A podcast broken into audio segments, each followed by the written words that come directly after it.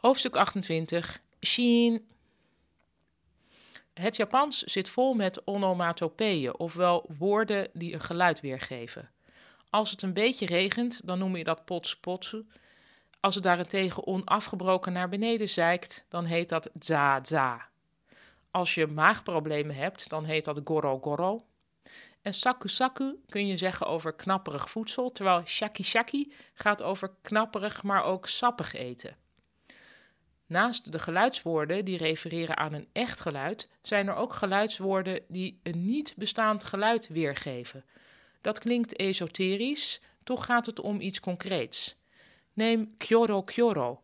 Dat is het geluid van nerveus om je heen kijken. Ik kan me geen enkel geluid voorstellen bij nerveus om je heen kijken, maar toch vind ik kyoro kyoro een toepasselijke onomatopee. Evenals zotto. Dat is het niet bestaande geluid van een rilling over je rug. Overigens is mijn lievelingsonomatopee het woord sheen met een extra langgerekte i. Dat zeg je als je wil aangeven welk geluid de stilte maakt.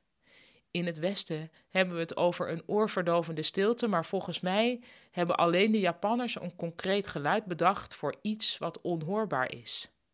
Sheen is wel een handig woord. Stel, iemand maakt een grap, maar niemand lacht erom. Dan roep je grappend Sheen, oftewel en toen was het stil. En dan heb ik nog terzijde nog wat andere van deze onomatopeeën. Waku Waku is uh, bij ons een jaren negentig spelletjesprogramma over dierenfeitjes bij de KRO. Maar in Japan betekent het dat je je verheugt op iets leuks. Dus stel, er komen Japanse kennissen van je in Nederland, dan kun je tegen ze zeggen Waku Waku, van ik heb er zin in.